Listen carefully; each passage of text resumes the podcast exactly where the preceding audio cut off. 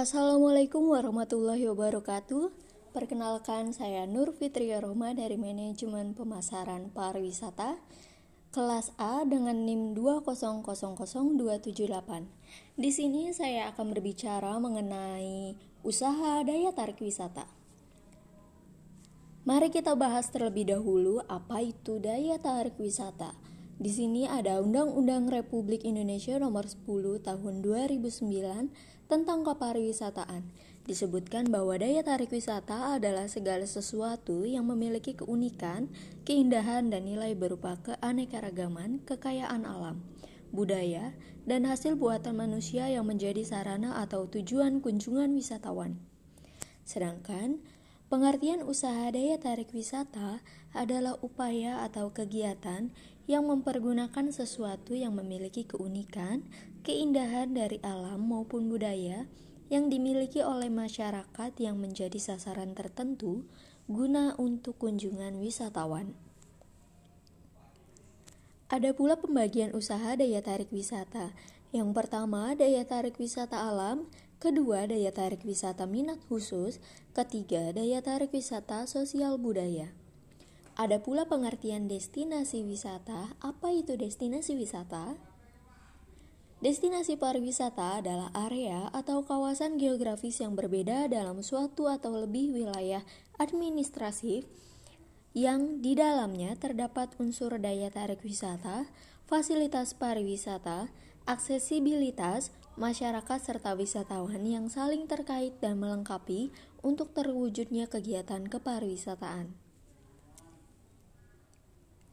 Mengenai itu, daya tarik yang tidak atau belum dikembangkan merupakan sumber daya potensial dan belum dapat disebut daya tarik wisata sampai adanya suatu jenis pengembangan tertentu. Objek dan daya tarik wisata merupakan dasar bagi kepariwisataan tanpa adanya daya tarik di suatu daerah atau tempat tertentu, kepariwisataan sulit untuk dikembangkan. Lalu, apa saja indikator daya tarik wisata?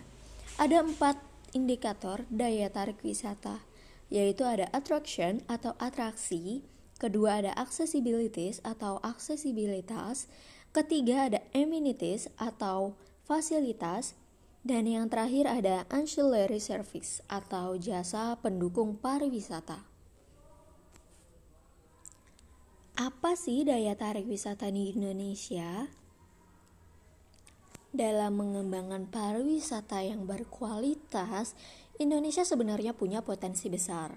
Ketua Umum Perhimpunan Hotel dan Restoran di Indonesia atau PHRI, Haryadi Sukamdani menyampaikan setidaknya ada tiga hal yang menjadi daya tarik Indonesia di mata wisatawan Nusantara dan mancanegara. Daya tarik yang pertama adalah dari wisata bahari. Sebagai negara kepulauan, Indonesia punya dapat memanfaatkan destinasi pantai serta kekayaan spesies biota laut yang dapat dieksplorasi. Kedua, ada ekoturism yang berkaitan dengan taman nasional yang tersebar di berbagai wilayah Indonesia. Selanjutnya ada daya tarik budaya.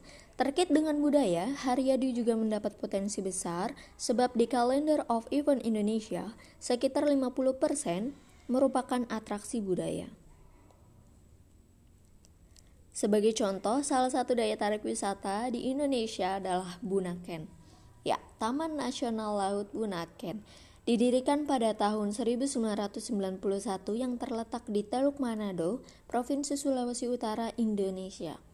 Secara keseluruhan, Taman Laut Bunaka memiliki area seluas 75.265 hektar dengan lima pulau yang berada di dalamnya, yaitu Pulau Manado Tua, Pulau Bunaken, Pulau Siladen, Pulau Mentahege, berikut dengan anak pulaunya, dan Pulau Nain.